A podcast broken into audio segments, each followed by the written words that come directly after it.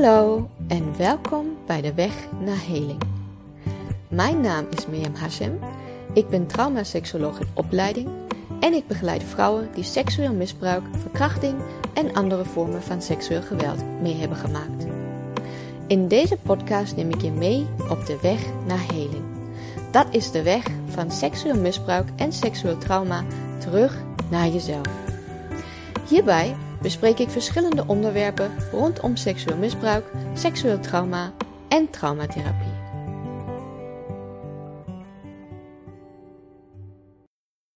De aflevering vandaag gaat over poëzie. Vandaag wil ik jou graag gedichten voorlezen van overlevers van seksueel misbruik. De reden waarom ik dat doe, is omdat gedichten een krachtig middel zijn bij het verwerkingsproces van seksueel trauma en de heling van seksueel trauma.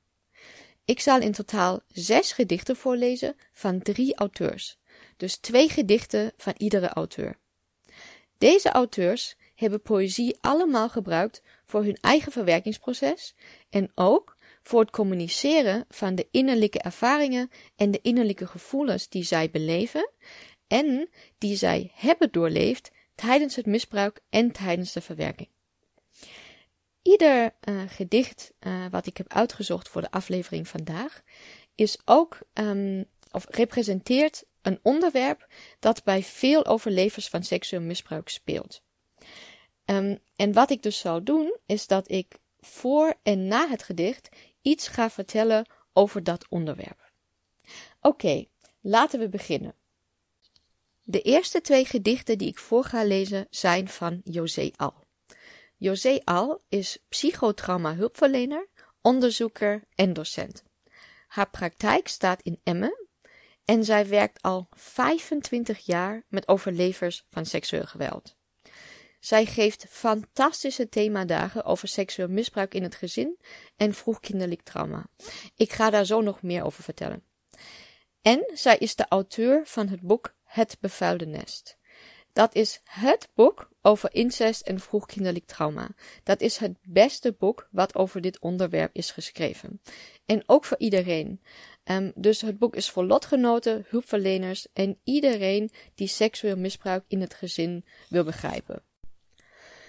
De twee gedichten die ik ga voorlezen komen dus ook uit het boek. Het eerste gedicht heet, passend bij de titel, Bevuild Nest. Het gedicht maakt de drukkende sfeer voelbaar die altijd aanwezig is in een gezin waar de ouders incest plegen bij hun kinderen. Het gedicht laat zien wat dit doet met het kind en de verwarring waarin het kind als vervolg van het misbruik leeft. Oké, ik ga het gedicht voorlezen. Bevuild nest. Wie opgroeit in een bevuild nest, binnen een sfeer van geweld en incest, vormt de waan en gekte haar realiteit, die door trauma haar lichaam en geest zorgvuldig scheidt. Is het de vader die haar misbruikt en bevlekt, of is het de ontkenning van de moeder die haar nekt? Wat je dus ziet uh, en hoort in dat gedicht, um, is dat het begint met die, um, met die drukkende, uh, zware sfeer van geweld. Um, die je dus in een incestgezin hebt. en dat, dat die, die, die constante, dat constante bang zijn voor het volgende geweldmoment gekmakend is voor een kind. Want je, je weet nooit, je bent altijd, het kind is altijd op de loer.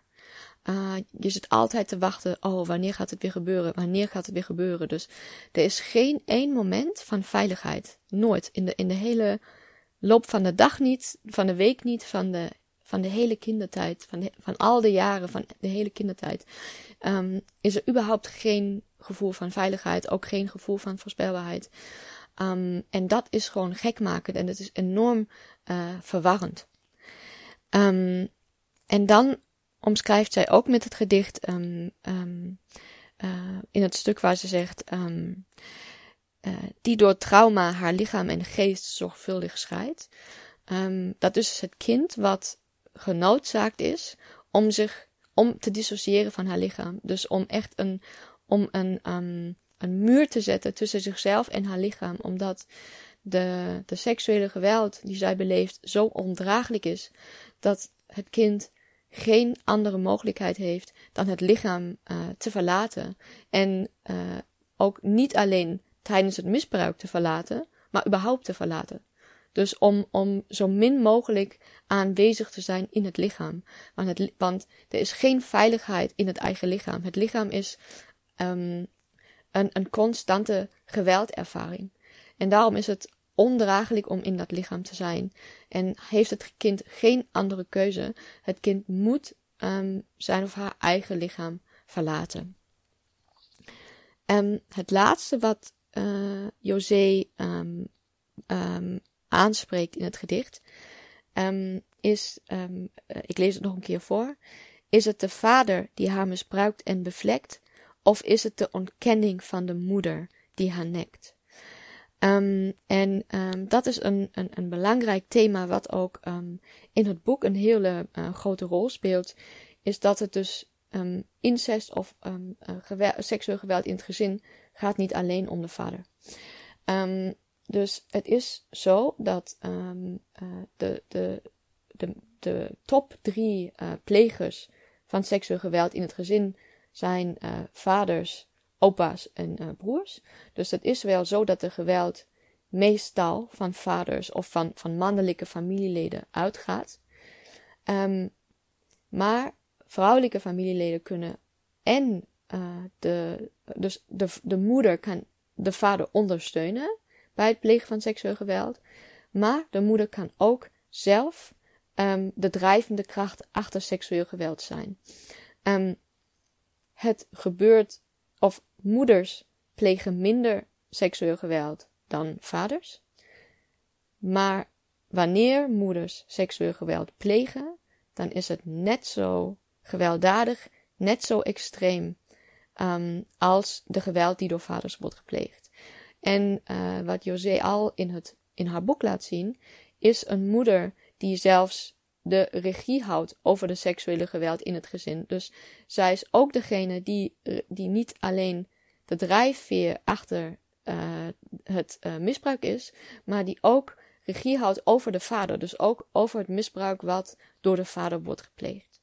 En um, het is zo belangrijk dat dit thema meer onder de aandacht komt, omdat um, nou, we hebben sowieso al uh, extreme geheimhouding rondom seksueel misbruik.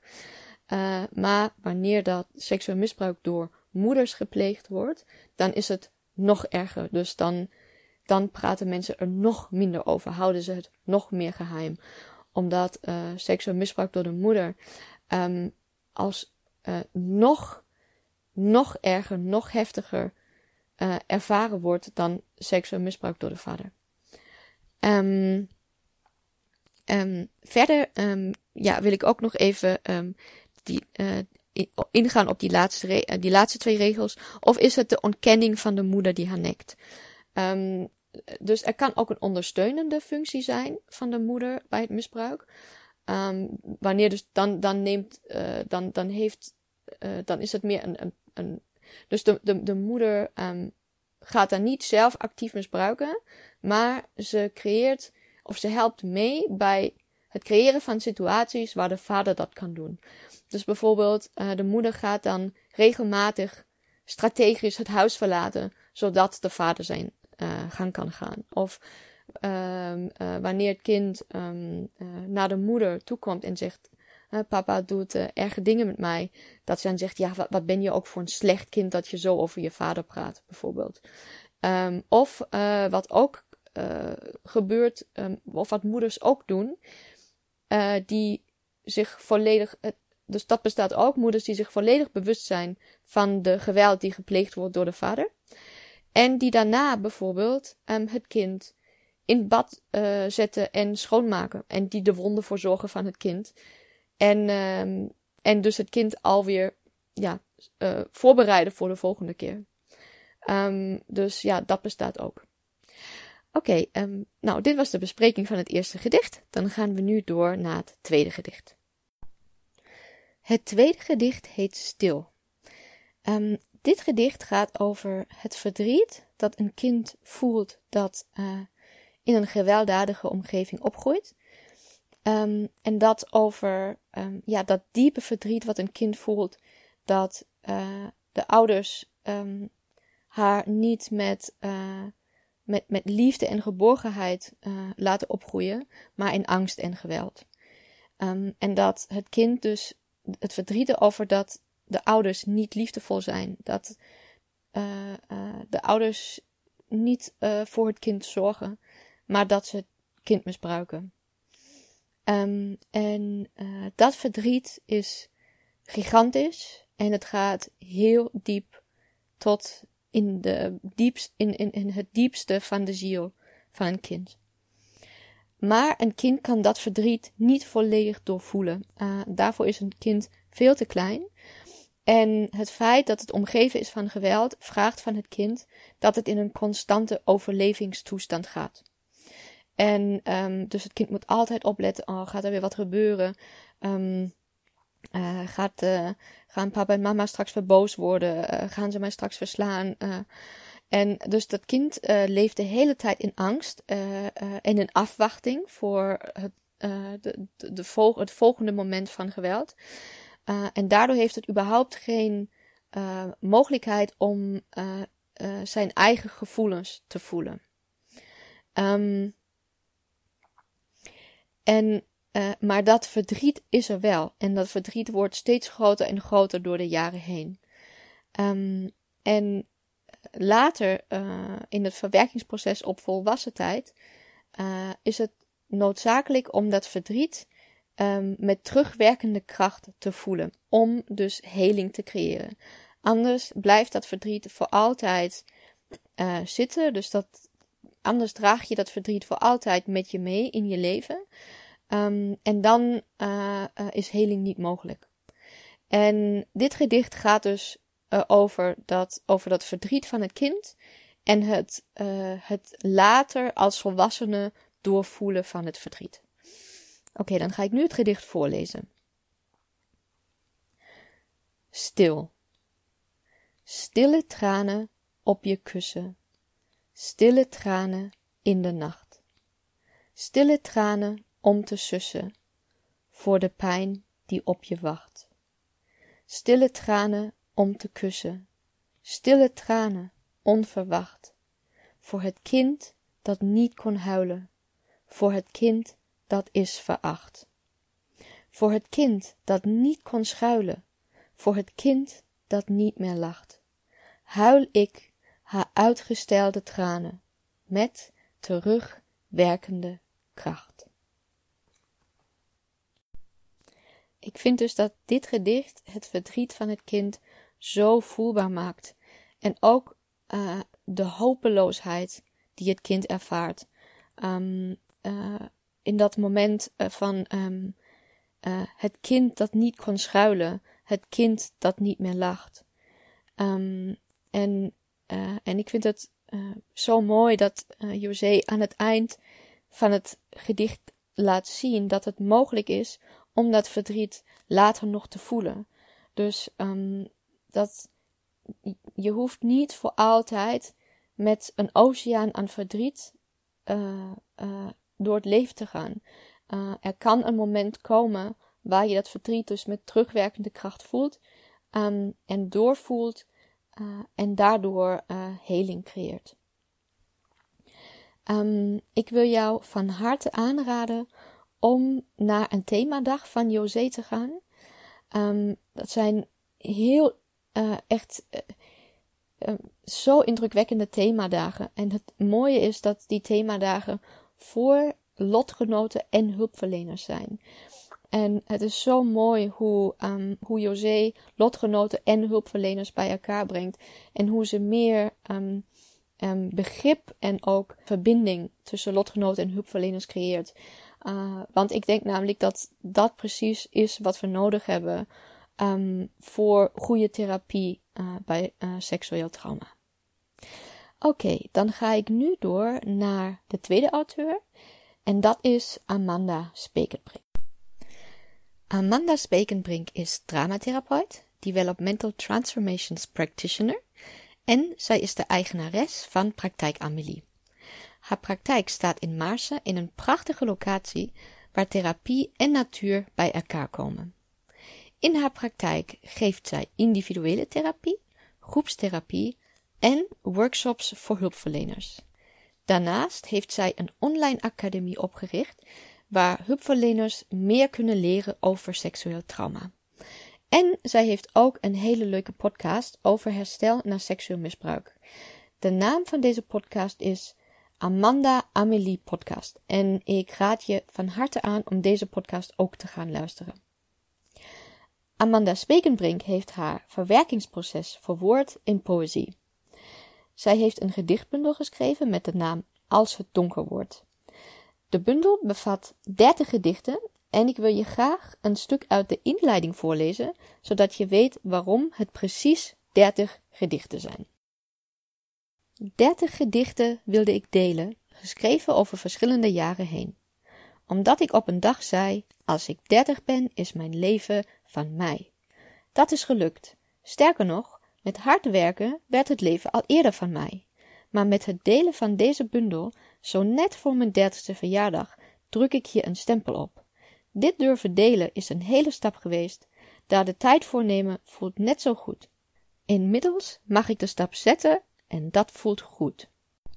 Ja, dus ik wilde starten met deze mooie woorden van Amanda, deze hoopvolle woorden, um, die laten zien dat het echt mogelijk is om ook uh, na seksueel misbruik een eigen leven te leven. Een leven waar je zelf de regie over hebt en waar je ook echt oprecht gelukkig kan zijn. En waar je werk kan doen uh, dat jou vervult en waar je zelf keuzes kan nemen. Dus dat zijn allemaal dingen die voor jou mogelijk zijn. Dan ga ik nu beginnen met het eerste gedicht.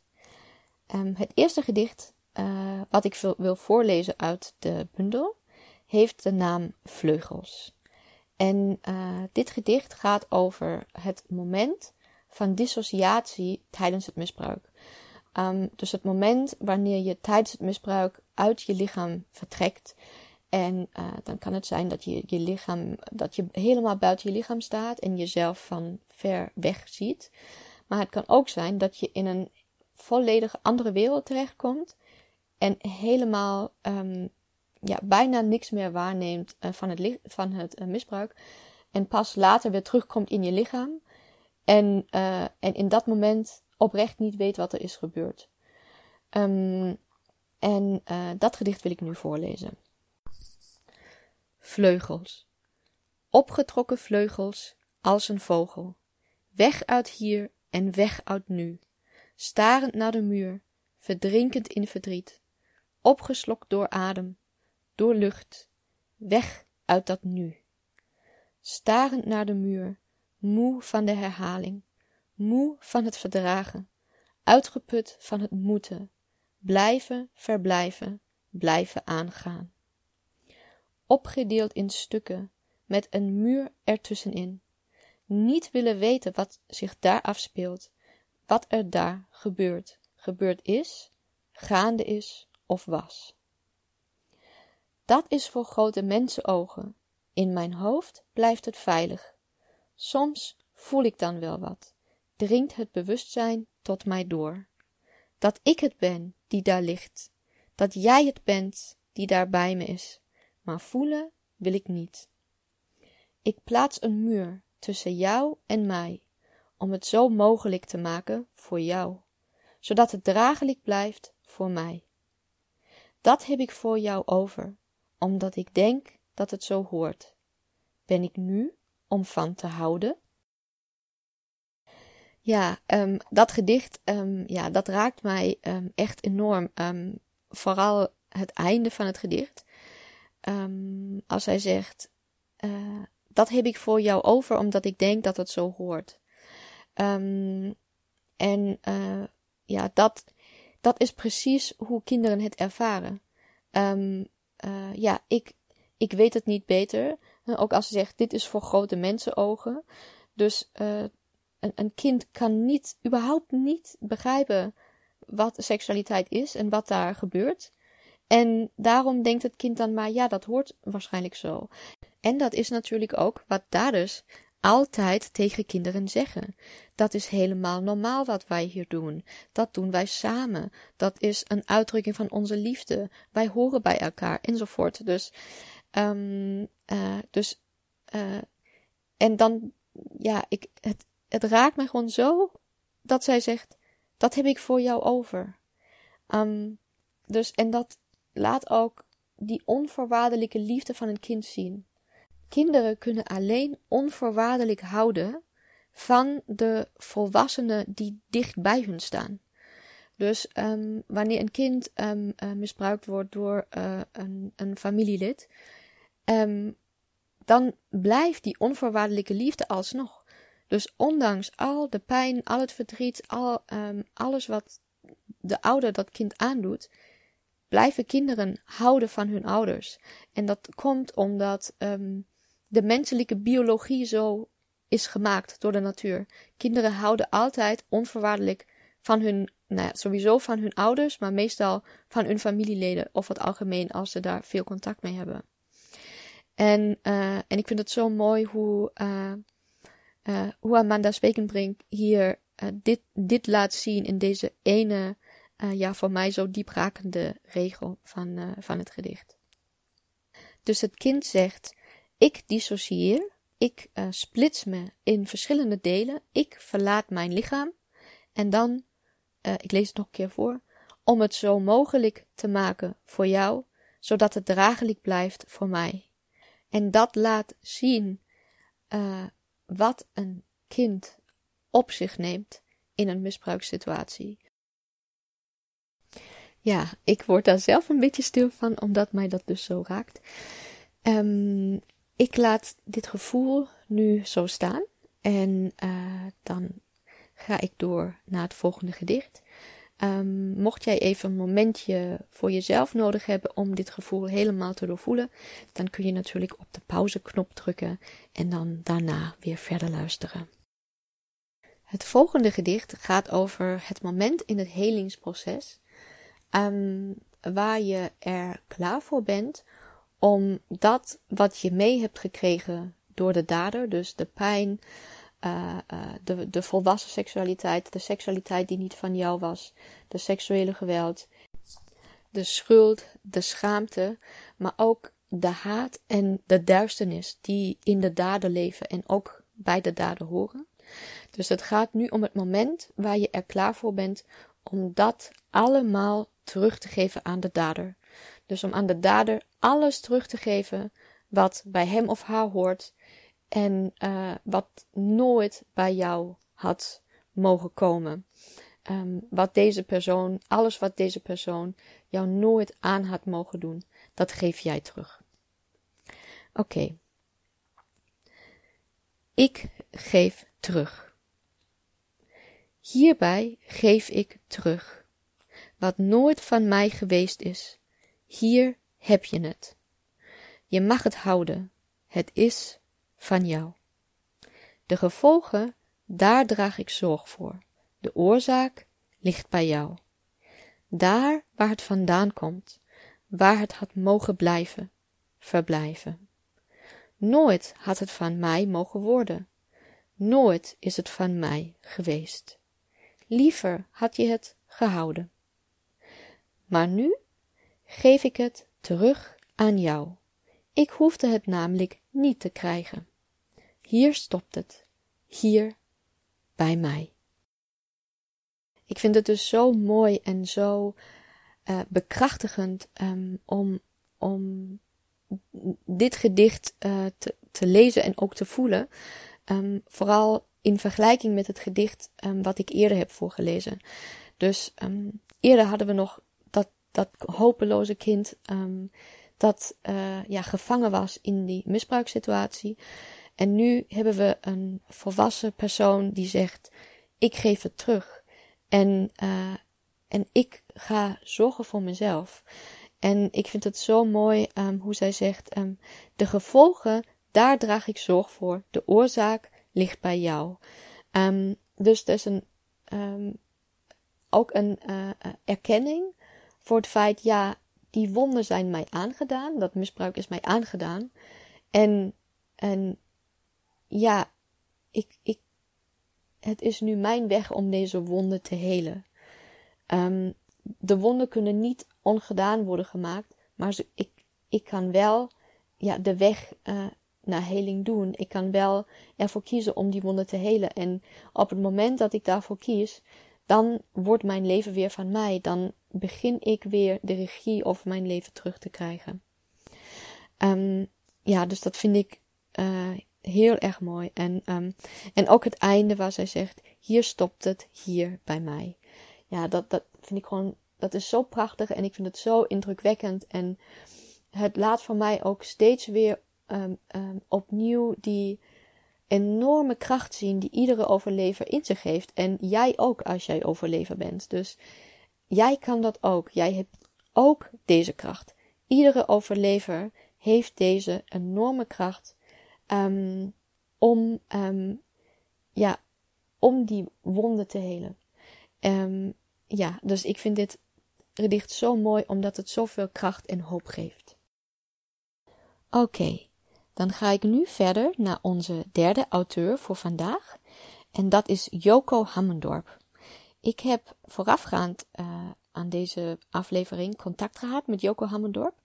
En ik heb haar gevraagd um, uh, wat zij fijn zou vinden uh, als introductie voor haar. En toen heeft zij mij zo een mooie tekst opgestuurd. Um, dat ik dacht, ik ga deze tekst gewoon zo voorlezen als zij dat heeft geschreven, in plaats van dat ik zelf een introductie ga bedenken. Omdat die tekst zo mooi is en ik denk dat uh, als jij ook overlever bent, dan zul jij heel veel herkenning voelen in deze tekst die zij over zichzelf heeft geschreven. Dus ik lees dat nu voor. Ik ben Joko Hammendorp, 40 jaar, getrouwd met Marieke en samen drie kinderen van mijn dertiende tot mijn vijftiende te maken gehad met seksueel misbruik door iemand die dicht bij mij stond. Jarenlang heb ik dit weg kunnen stoppen, tot ik in 2018 een hersenbloeding kreeg. Ik volgde een traject om met de gevolgen hiervan te kunnen leven. Tijdens een oefening werd het trauma getriggerd en kwam alles als de doos van Pandora omhoog. Blinde paniek, angst en vooral schaamte voerde de boventoon. Gelukkig kreeg ik direct fijne hulp. Maar erover praten vond ik heel lastig. Praten kon niet, maar schrijven wel. Via schrijven kon ik wel de woorden kwijt die niet uit mijn mond kwamen. Dit mondde uit in mijn gedichtenbundel. Een bundel waarvan ik hoop dat ik ook anderen kan helpen en steunen in hun reis die zij maken in hun weg naar herstel van seksueel geweld. Ten eerste, dank je wel, Joko Hammendorp, dat je dit verhaal met mij hebt gedeeld. Jouw persoonlijk verhaal, uh, dat betekent heel veel voor mij. Um, dus dank daarvoor. Um, ik denk uh, dat iedere overlever van seksueel misbruik elementen in dit verhaal uh, vindt die herkenbaar zijn. Dus bijvoorbeeld dat het misbruik is gepleegd door iemand die dicht bij je stond. Uh, dan jarenlang heel hard je best doen om het te vergeten en er niet aan te denken en het maar, uh, um, en er maar overheen te komen en het uh, uit je hoofd te zetten en zo verder en zo verder. Um, en dan dat op een gegeven moment een, het, een punt komt in het leven waar, waar iets gebeurt. Um, of ja, een, een, een, een een, ingrijpend gebeurtenis, maar het kan ook zijn dat klachten, gezondheidsklachten, um, um, psychische klachten zo opstapelen dat het op een gegeven moment gewoon niet meer gaat. Um, dus je kan bijvoorbeeld in een burn-out belanden of je krijgt uh, enorme paniekaanvallen. En in Joko's geval was het een hersenbloeding. En dus een ingrijpend gebeurtenis wat uiteindelijk ervoor zorgt dat dat, dat, dat het trauma omhoog komt. En net zoals hij het benoemt, het is als een doos van Pandora. Um, blinde paniek, angst en vooral schaamte. Um, dus dat zijn uh, gevoelens die, die vrijwel iedere overlever um, uh, beleeft en in zich draagt. dus uh, mocht dat bij jou ook zo zijn, dan weet dat, dat, dat jij er echt niet alleen mee bent. En ik vind het ook zo mooi dat zij zei: Ja, gelukkig kreeg ik direct fijne hulp. Want er is namelijk echt hulp. Dus je hoeft daar niet je hele leven mee alleen rond te lopen. Je hele leven hoeft niet bepaald te worden door het misbruik. Er is hulp voor jou. En jij bent heel erg welkom bij de mensen die die hulp verlenen. Um, dan uh, vind ik het ook heel mooi dat ze zegt: Ik kon er niet over praten, dat vond ik heel lastig, maar ik kon wel schrijven. En, uh, en daarmee laat zij ook zien dat het zo belangrijk is dat, dat jij voor jezelf ook bepaalt wat helpt mij bij mijn heling. Dus welke activiteiten of, um, zijn voor mij fijn. Dus voor de ene is het schrijven, voor de andere is het zingen, misschien heeft het, is het kunst, misschien is het schilderen, misschien is het regelmatig wandelen in het bos, um, misschien is het zwemmen. Um, dus het kan uh, uh, van alles zijn wat jij fijn vindt, misschien kleuren in een kleurboek. Dus er is therapie, maar therapie is één factor op je helingsweg.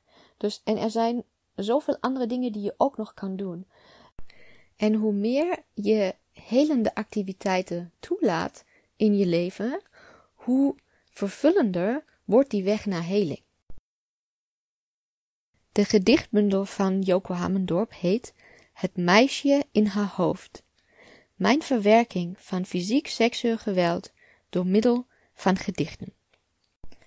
Ik ga uit deze bundel ook twee gedichten voorlezen. En het eerste gedicht heet Het masker voor je gezicht. En dat gedicht gaat over het um, leven met het geheim. Dus over um, het geheim wat je in je draagt, het geheim over het misbruik, het geheim wat je niet vertelt naar buiten. En het gevoel dat je um, daardoor altijd met een masker rondloopt. Dat je nooit echt laat zien wie je eigenlijk bent. Dat je altijd het gevoel hebt dat je je verleden uh, moet verstoppen voor mensen. Dat nooit iemand mag weten uh, dat, je, uh, dat, jou, dat het misbruik jou aan is gedaan. Um, dat is, zo begint het gedicht met het geheim. En dan gaat het erover hoe bevrijdend het is en hoe fijn het is en liefdevol om die masker langzaam los te laten. En om liefde in je leven te accepteren en ondersteuning in je leven te accepteren door andere mensen. Oké, dan ga ik nu het gedicht voorlezen. Het masker voor je gezicht. Hoe kan jij zijn wie je bent, voorbij het masker voor je gezicht? Ben je bang dat niemand jou herkent? Heb je angst voor al het extra gewicht? Want ook al denk je dat het niemand iets kan schelen, en voel jij je eenzaam en alleen. Het helpt om je verhaal te delen. Je zit er regelmatig doorheen. Soms weet je niet, waar moet ik heen? Mensen die van je houden, strekken hun arm. Pak de hand van de mensen dichtbij. Je bent niet alleen. Dan voel je je langzaam aan warm. Want een arm om je heen is eigenlijk heel fijn. Soms juist die stille woorden. Dat er iemand voor je wil zijn, zonder gelijk allerlei antwoorden. Van de warme hand tot aan je hart, en lichtje dat brandt, je ziel minder zwart. De kleuren worden langzaam weer zichtbaar, de duisternis trekt weg, de wind blaast door je haar, en alles op jouw tijd in overleg. Voel nu maar de zon op je huid en voel de tranen uit de lucht. Luister naar de vogels en hun gefluit. Neem waar wat je voelt en slaak een diepe zucht. Laat je masker maar zakken, jij mag er zeker zijn. Ook zal je nog regelmatig knakken, mensen kijken verder dan al je pijn. Je bent prachtig zoals je bent, en traan en lach, pijn en verdriet dit is jouw moment. Weet dat ik je dan troost bied.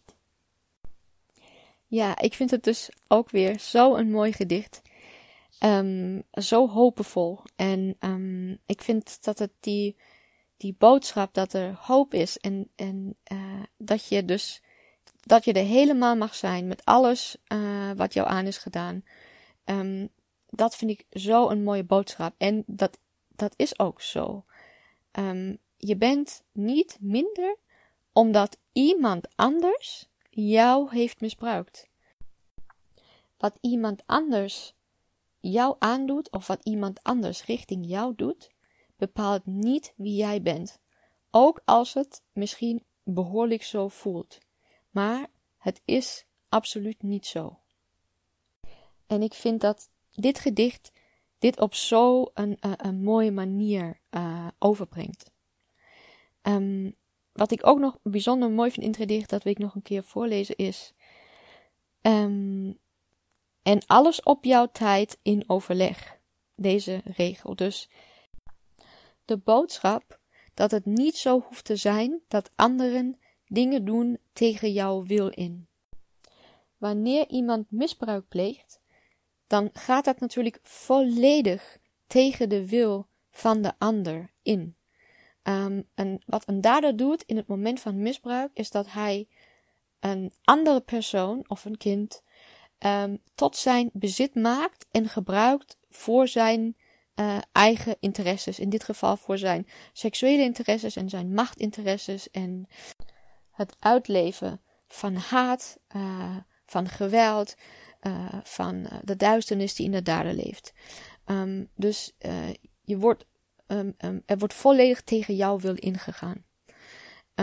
en wanneer je dat op zo'n fundamenteel niveau hebt beleefd, dan kan na het misbruik, of vooral na jaren van misbruik, het idee of gevoel of zelfs de overtuiging overblijven dat dit het is hoe het is. Dus dat anderen gebruik van jou mogen maken of dat het jouw functie is om een instrument te zijn voor anderen. Dus dat het jouw functie is om voor anderen alles leuk te maken, om anderen te verzorgen, om het anderen naar hun zin te maken, om anderen te geven wat ze willen, om de mensen van andere mensen te vervullen. Um, en dan kan het voelen uh, um, dat jouw hele leven voor anderen is. Dat je voor anderen leeft. En dat anderen ook tegen jou wil uh, dingen van jou mogen vragen. En daarom vind ik het zo mooi als zij dan zegt: en alles op jouw tijd in overleg. Um, want wanneer anderen um, gewoon zomaar van jou gebruik mogen maken, dan is daar helemaal niks op jouw tijd en er is ook niks in overleg. Um, en daarom vind ik het zo mooi dat zij dat ja, benadrukt in dat gedicht, dat er dus niet alleen uh, hoop is voor, een, een, voor heling en ook voor een, een eigen leven uh, na misbruik, maar ook een leven wat echt over jou gaat en over jouw wensen en waar andere mensen met jou rekening houden en willen dat het met jou goed gaat en uh, met jou willen overleggen wat jij graag wilt en dan ook uh, daarop uh, willen inspelen of daarop willen ingaan. Dus um, dat punt vind ik echt bijzonder mooi bij het gedicht. En daar zit ook de verbinding met het laatste gedicht wat ik voor wil lezen in deze aflevering. En dat is een heel positief gedicht. En uh, ja, ik wil met, met dit hele mooie, positieve, hoopvolle gedicht afsluiten. De naam van het gedicht is Het leven is van jou. En ik ga het gedicht direct voorlezen zonder verdere inleiding, omdat ik jou meteen de kracht van dit gedicht wil laten voelen. Het leven is van jou. Soms voelt het alsof je de controle kwijt bent. Het leven voelt niet als van jou. Raak je er ook bijna aan gewend, is er geen kleur meer en is alles grauw. Het leven is van jou. De ander heeft geprobeerd jou klein te maken. Het leven is van jou. Laat de ander jou niet meer raken. Nu is het tijd om de regie terug te pakken. Jij mag kiezen voor jezelf echt waar. Sta je rechtop zonder in te zakken, ook al voelt het enorm zwaar. Het leven is van jou. Laat het licht maar door de wolken komen. Het leven is van jou. Neem terug wat van jou af werd genomen. Nu is jouw tijd aangebroken om jouw leven terug te pakken. Dit mag je doen op jouw manier. Nu laat je de gouden kleur steeds verder wegzakken komt er langzaam aan meer kleur in het vizier. Het leven is van jou. Nu voel je het licht op jouw gezicht. Het leven is van jou. Nu is jouw leven terug in evenwicht. Ja, ik vind dit gedicht zo bekrachtigend. Um, ik heb er bijna niks meer aan toe te voegen. Dat is, dat is het gevoel wat ik jou zo graag mee wil geven uh, in deze aflevering. Um, dat het voor jou ook mogelijk is. Jij kan ook je leven eh, weer terugpakken um, en jouw leven leven. En ja, het leven is van jou. Het is echt zo. Het is jouw leven. Vandaag in deze aflevering hebben wij samen een reis gemaakt. Wij zijn begonnen bij het bevuilde nest, bij hoe het is om als kind in een bevuild nest geboren te worden en in een bevuild nest op te groeien, uh, bij hoe het is als uh, ouders misbruik plegen bij hun kinderen. Um, we hebben de stille tranen gehuild met het kind. Um, het kind uh, dat niet kon huilen. Het kind dat niet kon schuilen. Het kind dat werd veracht. Het kind dat niet meer lacht. En met terugwerkende kracht hebben we de tranen voor dat kind gehuild. En, en dat is zo belangrijk. Daarna hebben we doorvoeld wat een kind moet doen om het misbruik te overleven. En dat is dissociëren. Het kind moet zijn lichaam verlaten. Het moet uh, uh, de, de situatie verlaten. Het kind moet heel hard werken om zijn eigen waarneming te onderdrukken. Als het kind dat niet zou doen, dan zou het niet kunnen overleven. Daarna hebben we een stap gemaakt naar een later punt in het verwerkingsproces, namelijk het moment waar je alles wat bij de dader hoort ook aan de dader teruggeeft. Dus het moment waar je de verbinding met de dader verbreekt en zegt: Dit ben jij, dit ben ik, dit is van jou, dit is van mij. Alles wat jij mij op hebt gedwongen, alles wat jij bij mij neer hebt gelegd, alles wat jij mij aan hebt gedaan, dat geef ik aan jou terug. En dan ga ik verder op mijn levenspad. En dan ga ik mijn weg naar heling bewandelen. Ik ga de verantwoordelijkheid nemen voor het helen van mijn wonden. En dan ga ik de regie voor mijn leven terugpakken. Daarna hebben we doorvoeld hoe het is om uh, het geheim te dragen. Dus over hoe het is om uh, de, de, um, het gewicht en de zwaarte van het geheim te dragen. En uh, het gewicht van het masker um, waarmee je door het leven moet lopen als je dat geheim de hele tijd moet dragen. En als je probeert om aan andere mensen op, als je probeert om andere mensen het gevoel te geven dat alles helemaal oké is met jou, terwijl het dat diep van binnen niet is. En daarbij hebben we ook gevoeld hoe bevrijdend het is als dat masker loslaten en, uh, en verbinding maken met de mensen in ons leven en liefde in ons leven laten. En helemaal op het einde, um, uh, ja, hebben we gevoeld hoe het is uh, als het leven van onszelf is.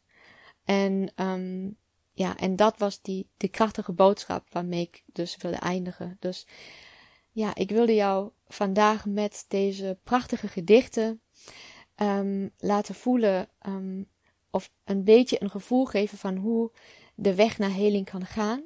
En ook het gevoel geven dat de weg naar heling echt mogelijk is. En ook voor jou mogelijk is. En er zijn heel veel overlevers die deze weg gaan en die, die, die deze weg zijn gegaan. En ik ben zo blij um, dat steeds meer overlevers hun verhaal delen en hun verhaal um, uh, delen in boeken en in gedichten en in kunst, um, zodat andere overlevers kunnen voelen dat het mogelijk is.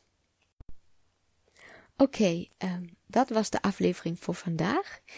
Nu op het einde wil ik graag nog een praktische mededeling delen. En dat is dat mijn praktijk vanaf 1 mei weer open gaat. Uh, ik was uh, de afgelopen maanden met moederschapsverlof. En die komt nu langzaam aan een, aan een einde. Ik heb nog twee maandjes. En dan ga ik weer aan het werk. Dus mocht jij graag een therapietraject bij mij willen volgen, dan ben je van harte welkom. Je kunt alle informatie vinden op mijn website www praktijkmirjam.nl. Ik wil jou van harte bedanken dat jij vandaag hier bent geweest bij deze podcast. Als deze podcast jou geholpen heeft of geïnspireerd heeft, laat het mij dan vooral weten via Instagram of LinkedIn. En tot slot, deel deze podcast met andere overlevers en geef mij wat sterren, want daardoor wordt de podcast zichtbaar voor andere mensen. Hartelijk bedankt en tot de volgende keer.